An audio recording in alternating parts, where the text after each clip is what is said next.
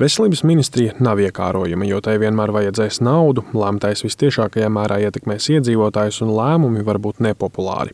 Bijušais veselības ministrs Ivars Eglītis nozari pāraudzīja no 2007. gada nogales līdz demisijai 2009. gada vidū. Eglītis nozari vadīja ekonomiskās krīzes pašā pīķī un arī demisionēja pēc tam, kad tapa skaidrs, ka tolaik krasi samazinot budžetu, veselībai tas noņemts īpaši skarbi.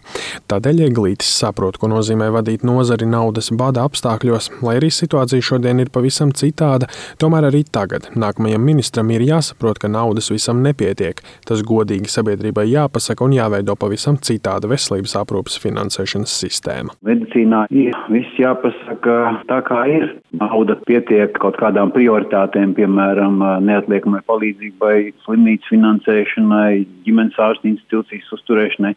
Tie svarīgie sektori medicīnā ir jāfinansē tik pietiekami, lai tur nebūtu nec deficīta, nec uh, trūktu personāla, nec trūktu resursu. Un tad, ja mēs zinām, cik kopā mums ir finansējums veselības nozarei, tad tas, kas paliek pāri priekš izmeklējumiem, diagnostikas laboratorijas speciālistu konsultācijām un tā tālāk, nu, tur ir jāpasaka, ka pietiek piemēram tikai pusē.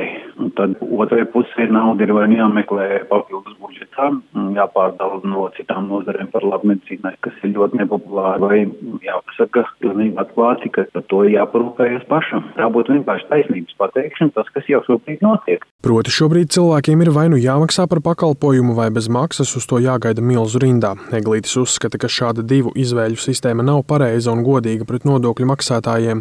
Nākamajam ministram būtu jāreformē medicīnas finansējuma sistēma, nosakot, ka valsts pilnībā nodrošina pamata vajadzības un aprēķina, cik naudas katram iedzīvotājam atliek citiem pakalpojumiem.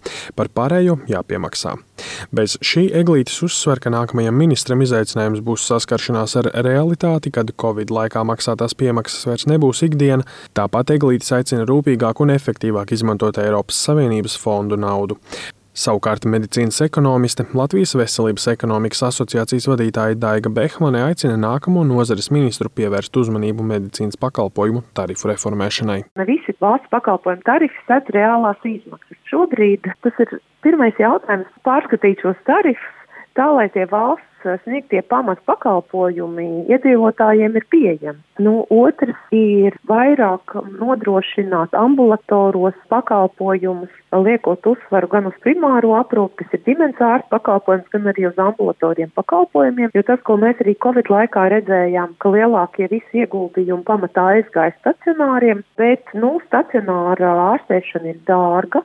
Un tomēr skatoties no pakalpojumu izmaksu efektivitātes viedokļa, mums noteikti vairāk ir jāliek uzsvars tieši uz ambulatoro aprūpi Tāpat Behmane uzskata, ka ministram būs jātīsta medicīnas tehnoloģija joma, jāstrādā pie jaunas e-veselības stratēģijas, jāuzkrāj pacientu elektroniskie medicīnas dati, ārstēšanas rezultātu dati un klīniskie dati, kur uzkrāšana Latvijā šobrīd nenotiekot. Tāpat jāveido pacientu pieredzes datu bāze, tas krietni uzlabotu ārstu speciālistu iespējas sadarboties pacientu ārstēšanā. Tāpat jādomā par covid piemaksu atcelšanas sakām. Mediķu atalgojums jāceļ šo komponentu ņemot vērā, kad tiek izstrādāti jaunie pakalpojumi pakalpojumu tarifi. Gana daudz darba nākamajam ministram būs arī pacientu tiesību stiprināšanā. Veselības tiesība eksperts Ronalds Roškalns izceļ virkni problēmu. Pirmkārt, reizēm ministrija pārsteidzot ar kuriozām likuma izmaiņu iniciatīvām, no kā nākotnē tomēr būtu jāatsakās. Tāpat vēl aizvien nākas novērot ārstniecības iestāžu nekompetenci pacientu tiesību jomā, piemēram, liedzot iepazīties ar saviem vai mirušā tuvinieka medicīniskajiem dokumentiem. Tāpat jārisina mediķu trūkums, jo tas mudina patstāvīgi nodarbināt rezidentus, kas ir ar likumu aizliegts. Bez jau visa minētā, nākamajam ministram ar komandu būšot jānodrošina arī pieejamāki inovatīvie valsts apmaksātie medikamenti, arī atlīdzības saņemšana ārstniecības kļūdas gadījumā jāgaida nepieņemami ilgi. Tāpat jāuzlabo veselības inspekcijas darbs, uzskata Roškalns. Vēl būtiska problēma, kas iet jau gadiem ilgi, ir eh, tas, ka Latvijas pacientiem nav iespējams saņemt no kompetences iestādes veselības inspekcijas, veselības aprūpas vērtējumu pēc būtības, kā arī to pēc būtības apstrīdēt. Virknē, protams, ir arī trūkumi, kas ir saistīti ar uh, kaitējumu atlīdzināšanu, ja ārstniecība ir bijusi nekvalitīva. Tā paša ārstniecības riska fonda darbībā arī tāpat kompetentā iestāde veselības inspekcija joprojām piemēro atbildību par vainu, kaut gan pats ārstniecības riska fonds ir uh, likumā paredzēts kā atlīdzības veids neatkarīgi no vainas. Jā, tātad savu veidu medicīniskā apdrošināšana šajā gadījumā darbojas, bet šie atlīdzības principi netiek ievēroti. Roškalns uzskata, ka nākamajai valdībai būtu jādomā par veselības inspekcijas reformēšanu. Pirmkārt, jau jāsāk ar izvērtējumu par to, Cik attaisnojums ir inspekcijas uzdevums nodrošināt veselības aprūpas kvalitāti? Tās pāraudzībā varētu palikt virkne citu uzdevumu, taču šo iespējams būtu liederīgi pārorganizēt. Taču tikpat svarīgi, ka strādāt pacientu labā, nākamajā sasaukumā veselības ministrijai būs jāstrādā arī aizstāvot mediķu intereses, jo veselības aprūpes sistēma ir pamesta novārtā. Uz to aizvadītajā nedēļā atklātā vēstulē Saimai un valsts prezidentam norādīja arī Latvijas jauno ārstu asociācija. Tās vadītājs Artūrs Šilovs uzskata, ka veselības ministrijai jaunajā sasaukumā būs daudz darāmo darbu, piemēram, risinot Covid radītās sekas vai sakārtojot tarifu jautājumu. Tāpat jāpārskata slimnīcu tīkls, optimizējot un efektivizējot pieejamos pakalpojumus visā valstī. Es domāju, ka viens no būtiskākajiem jautājumiem ir algu reforma, kas pamatā skar slimnīcas, bet jāsaprot, ka no politiķiem atkal mēs neredzam īstu atbalstu, un ja nav ne no vienas politiskās puses partijas atbalsta izpratnes un nenāk pretī arī nekāds cits piedāvājums, tad, diemžēl, jāsaka, ka būs jāpaliek pie vecā scenārija, ka tiek ieguldīti līdzekļi, lai paaugstinātu algas esošās sistēmas ietvaros. Tas ir pirmais jautājums, kuru jaunai valdībai vajadzētu atbildēt mūsu prāt, un jāvirzās uz priekšu, nevis, no es atvainojos, muļļāt atkal to jautājumu jautājumu. Nu, tie neskaidrie jautājumi ir pēdējos uh, trīs gadus, un mēs atkal nonākam uh, līdz tam pašam scenārijam kā 2019. gadā, ka izskatās, ka bez protestiem mēs vispār nekur tālāk nevarēsim pavirzīties. Taču Šilovs aicina ministriju un valdību apzināties, ka vienā sasaukumā visas problēmas nav iespējams atrisināt. Tādēļ pēc līdzīga principa kā iepriekšējā sasaukumā par galveno prioritāti ministrija noteica psihiskās veselības sakārtošanu, arī šajā reizē būtu jāizvēlas kāda viena vai vairākas kritiskākās nozares, kurai pievērstu lielāku uzmanību. Šilovs min piemēru. Tas varētu būt insulta jautājums, jo šī slimība Latvijā ir ļoti izplatīta un mirstības rādītāji augsti.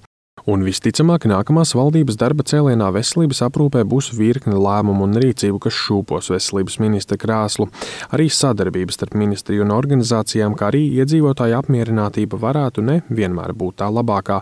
Tādēļ veselības nozare pēc politoloģijas Ilgas Kreitusas domām ir jāvada premjera partijai un cilvēkam, kas ieņem šo amatu, jābūt ar ļoti spēcīgām vadītāju dotībām. Es jums teikšu rāņu vārdiem, lai ir grūti, vajag spēt stipram būt uzvarēt. Ja tu negribi uzņemties atbildību, ja tu domā tikai par sevi, kas tu būsi, kā tu būsi, cik populārs vai ievēlēs vai neievēlēs, tad nē, politikā. Un otra lieta ir, Tāpēc ir vajadzīga stipra aizmugure, stipra partija, kas tevi atbalsta, nevis vienkārši atstāja vienu pašu kaujas laukā, kā saka, nu tagad mēģina atvairīt visus uzbrukumus. Tai jābūt nevis cilvēka, bet partijas kopa atbildībai par realizējumu politiku. Savukārt Rīgas ielās sastaptie iedzīvotāji kā galveno šī brīža veselības aprūpas problēmu redz milzu rindas pie speciālistiem un to kā pirmo darbu novēl nākamajam veselības ministram, taču ne tikai to. Ja ir speciāls kāds nosūtījums uz izmeklēšanu, ļoti ilgi jāgaida. Tas ir, jā, tas ir ļoti svarīgi. I'm from Lithuania myself. Esmu no Lietuvas. Šeit dzīvoju četrus gadus. Man Latvijā patīk tas, ka šeit gandrīz par katru pakalpojumu ir neliels līdzmaksājums, kaut daži eiro, bet tas rada apziņu, ka esi atbildīgs arī no savas kabatas. Domāju, ka tas ir labi. Rindas mēdz būt arī lielākas. Latvijā nav tā sliktākā situācija. Jo mēs guļam absolūti pa brīvu.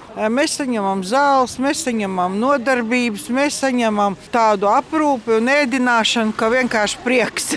Visu laiku tiek ieguldīta nauda, un es kāpēc viņa pazūd. Piemēram, jebkuru projektu, e-veselību un tā tālāk. Tā tālāk. Un, laikam, ierēģiņu skaits viņiem pārāk liels ir. Rindas, jā, jo nu, tas nav normāli, ka par naudu, ka tiec kaut nākamajā dienā vai arī pašā dienā, tā tev trīs mēneši jāgaida. Tiem veciem cilvēkiem nu, viņš var arī nesagaidīt tos trīs mēnešus. Tas nozīmē, ka gaidāmajai valdībai un veselības ministrijai galvenie uzdevumi veselības aprūpes jomā būs gaužām līdzīgi kā priekšgājējiem. Mediķu atalgojums, rindas pie ārstiem un speciālistu trūkums - tas tad arī būs galvenās lietas, pie kurām nākamajai valdībai būs jāstrādā, un darba šo jautājumu sakārtošanā solās būt daudz un risinājumu meklēšana visnotaļ sarežģīta. Kristaps Feldmanis, Latvijas radio.